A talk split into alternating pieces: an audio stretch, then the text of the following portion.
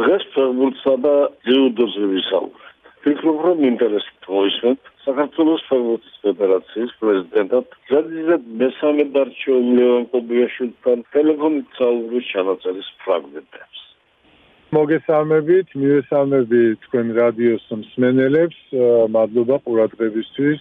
ვაყელი ფეხბურთის ფედერაციაში მესამედ არჩევა, რა თქმა უნდა, ეს ძალიან დიდი პასუხისგებლობაა და ძალიან დიდი პატივია და ისვისაც ძალიან დიდად მადლიერი გახლავართ, ვინაიდან კიდე ერთხელ მოხდა ინდობის გამოცხადება და მაქვს პატივი, რომ სფეროს, რომელიც ჩემი ცხოვრება არის და შესაბამისად ჩემი მიზანი ისევე როგორც პირველი დღიდან აქ მოსვლის იქნება ის რომ ხელი შეუწყოთ ჩვენ გუნდთან ერთად ყველა იმ ადამიანის ჩართულობით მათ შორის თქვენიც რა თქმა უნდა გულშემატკივრების რომ ხვალინდელი ქართული ფეხბურთი იყოს უკეთესი ვიდრე იყო გუში. ხადია გვაქვს გეგმები, ჩვენი მიზნები, რადგან ხშირად ღიად ვსაუბრობ და შესაბამისად ჩვენი მიზანი და ამოცანაც იქნება, რომ ეს გეგმები განხორციელოთ მომდენო 4 წლის განმავლობაში. ლევან კობიაშვილის გავახსენე პირველი ვადი პრეზიდენტობის პერიოდში ჩემი დაინტერესება. ხომ არ აპირებდნენ ასე თუ ისე გამორჩეული რამდენიმე ვეტერანი ფეხბურთელის, რომლებიც წვრთნელის პროფესიაზე სერიოზულად ფიქრობდნენ უცხოეთის ძმობილ კლუბებში პროგრესულად მოაზროვნენ წვრთნელებთან, რაღაც გარკვეული პერიოდით კვალიფიკაციის ასამაღლებლად გაგზავნას. ამ თემაზე ჩვენ ადრე ხშირად გვისაუბრია ძალიან რთული არის ესე პასუხის გაცემა ამ კითხვაზე ვინაიდან სისტემურად ცოტა სხვანაირად არის. ანუ ესე ფეხბურთის ფედერაციას გაუჭირდება ნამდვილად მით უმეტეს ამ გზელვადიანი ვადით ერთი წლით კონკრეტული მსმელების სადღაც პრაქტიკაზე გაუშვან სხვადასხვა ქვეყნებში მინდა ძალიან რთული იქნება ფეხბურთის ფედერაციისთვის ამის გაკეთება და სიმართლე გითხრათ ამოუდგენათაც მიმაჩნია. თუმცა ეს იმას არ ნიშნავს, რომ ამ მიმართულებით და განსაკუთრებით თუნდაც და განათლების კუთხით რამე არ შეიცვალა. ძალიან ბევრი რამე შეიცვალა, განსაკუთრებით და ეს არის ერთ-ერთი მიმართულება, რომელიც წლების განმავლობაში ფეხბურთის ფედერაციის ყველაზე წარმატებული მიმართულება არის, ვინაიდან როგორც იცით, ჩვენ დღეს ქვეყანაში თუნდაც ის UEFA-ს ყველაზე მაღალი განათლების ეტაპი, რომელსაც ცენტრა პროფესიაში ქვია, ანუ ის ყველაზე მაღალი საფეხური ჩვენ ქვეყანაში ტარდება, ჩვენი მსმენელები იღებენ ამ კლუბში მონაწილეობას.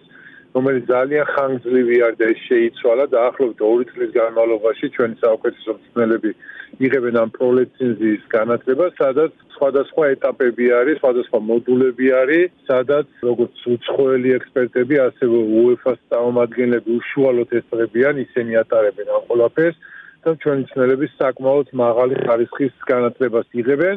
და ხაზი უნდა გაუშვათ იმას, რომ ეს არის ის პროლიცენზია, რომლითაც ნებისმიერ ხსნელს, რომელსაც ეს განათლება მიღებული აქვს, ეს ლიცენზია გააჩნია, მას როგორც ქვეყნის შიგნით ჩვენთან, ასევე ქვეყნის გარეთ ნებისმიერ ქვეყანაში შეუძლია იმუშაოს მაღალ დონეზე. შიგადაშიგ რა თქმა უნდა არის პერიოდები, როდესაც ჩვენი ცნელები სხვადასხვა საშუალებების ხარჯზე შესაძლებელია მიდიოდნენ და სხვადასხვა ქვეყანაში, სხვადასხვა წარმატებულ კლუბებში იღებდნენ მოკლე პერიოდით რაღაც დამატებით კვალიფიკაციას, იქ ჩართულები არიან და შესაბამისად ამ წუთასაც შემდეგ იხენებენ. დამოუკიდებელ ქართულ ფეხბურთს შესაძლოა საერთაშორისო საფეხბურთო ორგანიზაციის ყურადღება. ასე იყო ახლაც ამ დღეებში. ისინი დაეცენ როგორ ხდებოდა პროცედურა, როგორ ჩატარდა ყრილობა, თუმცა ამის გარეშეც ვიტყოდი რომ მათ უშუალოდ ინფორმაცია მიიღეს. იმ პროექტებთან დაკავშირებით რა პროექტებსაც საქართველოს ფეხბურთის ფედერაცია ახორციელებს FIFA-ს და UEFA-ს პროგრამების საშუალებით მათ ეს ინფორმაცია ისედაც ჰქონდა თუმცა უშუალოდ ჰქონდა შესაძლებლობა რომ თვითონ ენახათ რამოდენიმე ასეთი პროექტი და მთლიანობაში რა თქმა უნდა ეს ჩვენი თანამშრომლობა და მეგობრობა როგორც UEFA-სთან ასევე FIFA-სთან ისე ისე გრძელდება და ჩვენ რა თქმა უნდა ძალიან გიხარია და ბედნიერები ვართ რომ ასე ძლიერი პარტნიორები ყავს, რომლებიც არა მარტო თავიანთი ადამიანური რესურსით, არამედ თავიანთი პროექტებითაც ძალიან ეხმარება ქართულ ფეხბურთს ჩვენ ქვეყანას. იცით რომ ბოლო წლების განმავლობაში ძალიან ბევრი პროექტი დაფინანსდა მათი მხარდაჭერით, რამაც მოგცა შესაძლებლობა იმის, რომ ქვეყანაში უფრო მეტი ინფრასტრუქტურა გაცენილიყო, რაც ავტომატურად ნიშნავს მეტ შესაძლებლობას ბავშვებისთვის ითამაშონ ფეხბურთი. შემდეგ კი საქართველოს ფეხბურთის ფედერაციის პრეზიდენტმა ლევან კობიაშვილმა მომავლის ამოცანებზე წისაუბრა. რა თქმა უნდა თქვენ იცით და ასე სვენელემა ჩვენ რამდენიმე თვის წინ წარვადგინეთ ჩვენი სტრატეგია ეს მნიშვნელოვანი დოკუმენტია მომდევნო 4 წლის განმავლობაში ქვეყნის ფედერაციამ რა უნდა გააკეთოს რაზე იმუშავებს და ხადია აქ არის მიმართულებები რასაც ისედაც ბოლო წლები ჩვენ ძალიან აქტიურად ვახორციელებთ და ძალიან დიდ ყურადღებას უთმობთ ეს არის მასობრივობა პირველ რიგში ინფრასტრუქტურა თუ არ გვექნება მეტი სავარჯიშო მოედანი, რა თქმა უნდა, ვერ გავზით ინფრასტრუქტურას და ამის ნათელი მაგალითი არის ის კონკრეტული ციფრები და სტატისტიკა, რაც გვაქვს წლების ბოლო წლების განმავლობაში, როდესაც ძალიან გაზრდილი არის ბავშვების ჩართულობა, ზოგადად მოყვარულების რაოდენობა არის საკმაოდ გაზრდილი, მათ შორის გოგონების, როგორც მოთამაშეების, ინფრასტრუქტურის კუთხით იცით, რომ საკმაოდ ბევრი გაკეთდა და ამ გზას ჩვენ აუცილებლად მომავალშიც გავაგრძელებთ. და რა თქმა უნდა არის ასევე განათლება, სადაც როგორც დღეს ჩვენ ვისაუბრეთ, და განათლების კუთხით ასევე ფეხბურთის მენეჯმენტი და ყველა იმ ადამიანების სოდნის ასამაღლებლად, რაც მათ სჭირდებათ იმისთვის, რომ გამოიყენონ და გამოადგეთ ასევე ქართულ ფეხბურთს. შესაბამისად ეს არის ის მიმართულებები, რომელსაც ფეხბურთის ფედერაცია ახორციელებს და მომავალშიც განახორციელებს. ქალთა ფეხბურთი, ასევე ფუტსალი, ეროვნული ნაკრებები და ხადია ჩვენი ეროვნული ლიგა, თუმცა რა თქმა უნდა აქ სიმალე გითხრათ ჩვენც გვაქვს მოლოდინი, რომ კლუბები უფრო მეტად გააქტიურდებიან, უფრო მეტად გაძლიერდებიან, რაც შესაბამისად მოგცემს იმის საშუალებას, რომ ჩვენი ლიგა იყოს გაცილებით უკეთესი ვიდრე ეს დღეს არის. მადლობა ინტერესისთვის, კარგად დამდებოდეთ. შეგახსენებთ რომ ეს გახდათ ლევან კობიაშვილი, საქართველოს ფეხბურთის ფედერაციის პრეზიდენტი. ქვეყნის ჩემპიონატის დაწყებას კი მოუთმენლა დალოდებიან ბათუმელი გულშემატკივრები, რომელიც უნებრივია გაწმენებულები არიან მათმა სავარელმა გუნდმა შაშანდები სეზონის ბოლოს ჩემპიონობა რომ დათმო. ჩვენი ბათუმელი მიმოხილველი გიაცამავა. მივესალმები თქვენს რადიო მსმენელებს. ველოდებით 26 რიცხვს, როცა სეზონს გახსნის ბათუმის დინამო და ყველანი ერთად გულშემატკივრები წავალთ სტადიონზე. ამიტომ მოლოდინი დიდია. ათ შეეხება ჩვენი გუნდის მზადებას, იგი ანტალიაში იმყოფება და რამოდენიმე დღის უკან გამართა შეხვედრა უკრაინის გუნდთან ალექსანდრია იყო ეს და 4-2 გამარჯვა. ნუ გუნჩი ისინჯებიან სენეგალელი ფეხბურთელი, სერბი ფეხბურთელი, რამდენიმე ქართველი ფეხბურთელი და ნუ მოსამზადებელი პერიოდი სწორედ ისე უნდა გამოიყენოს გუნდმა, აყოფიერად რომ შემდეგ სეზონის განმავლობაში პრობლემები არ კონდეს. ამიტომ გუნდი ჯერჯერობით შეკრებაზეა თურქეთის რესპუბლიკაში და განაგზობს მზადებას. რაც შეეხება ჩვენს ამ პერიოდში დიდ სიხარულს იტალიის ნაპოლის შემადგენლობაში ხვიჩას თამარ ხვიჩა კიდევ უფრო გვაგვირებს და გვაგვირებს თუმცა მისგან უკვე არაფერი არ გვიგვირს ისეთ ფოიერვერკებს ვიწყობს და წინა თამაში ნაპოლიმ გამართა შედარებით სულს გუნდთან კიდევ ერთხელ დაამტკიცა რომ საუკეთესო ფეხბურთელია იტალიის ერთ-ერთი საუკეთესო ფეხბურთელი თუ ყველაზე კარგი არა ამ ჩემპიონატში და იგი ამას ამტკიცებს და მე დარწმუნებული ვარ რომ საუკეთესო თამაშები და უფრო ძლიერი თამაშები ხვიჩას წინ ელოდება. მით უმეტეს რომ ეხლა ჩემპიონთა ლიგის თამაშიც უწევს გერმანიის აინტრახტთან და ყველანი სულმოუთმელი ველოდებით ამ თამაშს და საერთოდ ნაპოლის წარმატებას.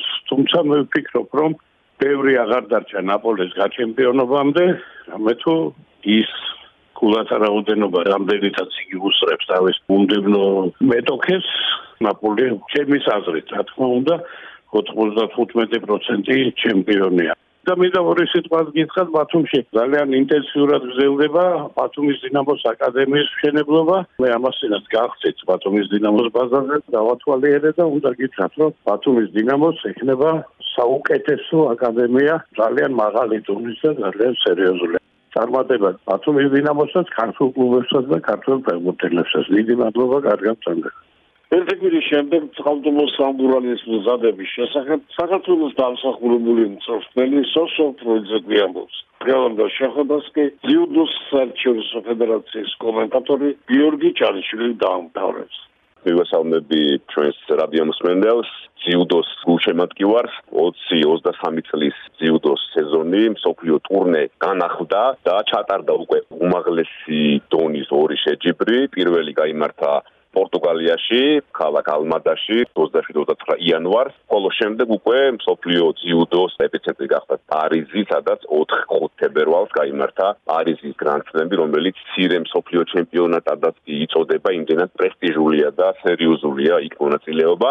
რაც შეეხება საქართველოს ნაკრების ძიუდოისტების გამოსვლას აი ამ ორ ტურნირზე, პორტუგალიაში ორი მედალი გახდა ჩვენი მონაგარი, ერთი ოქრო და ერთი ვერცხლი. პორტუგალიის გრან-პრი ჩემპიონი გახდა 100 კილოგრამწონთ კატეგორიაში ილია სულამანიძე, ხოლო ამავე ტურნირზე ვერცხლი მოიპოვა საბა ინანეიშვილმა მძიმე წონაში. ილია სულამანიძის პროგრესი თვალსაჩინოა, ეს ახალგაზრდა ჯუდოისტი 21 წლის გახლავთ, პროგრესი უდებს ძალიან მაღალ დონეზე და აი ამ ტურნირზეც აჩვენა მან უმაღლესი კლასი და ძალზე ძლიერი მოწინააღმდეგები დაამარცხა, მათ შორის მოკლედ მოქმედი ოლიმპიური ჩემპიონი, საფრანგეთის პროვინციის ჩემპიონი ლუკაშ კრპალეკი, ჩეხი ძიუდოისტი, რომელიც 100 კილოგრამში დაბრუნდა და ილიას წინააღმდეგობა ვერ გაუწია და ფინალში იაპონელი სპორტსმენი დაამარცხა ილიამ. კარგია რომ ამ წონით კატეგორიაში სერიოზული შემსწრელი ყავს ვარდამ ლიპარტელიანს.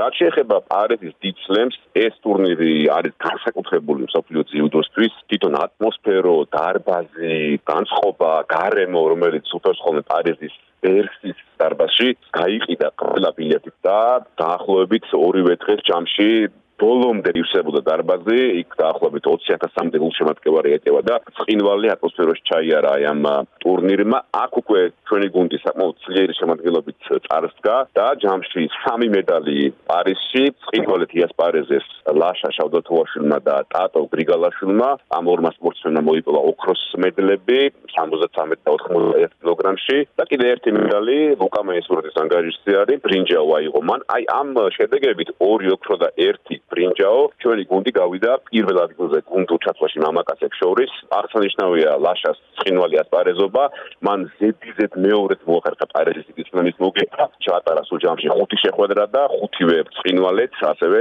ფინალში ბრაზილიელი დანიელ კარგნინი დაამარცხა შესანიშნავი გდებით ასევე ხუთივე შეხვედრა მოიგო მოქმედი მსოფლიო ჩემპიონმა ტატო გრიგალაშვილმა.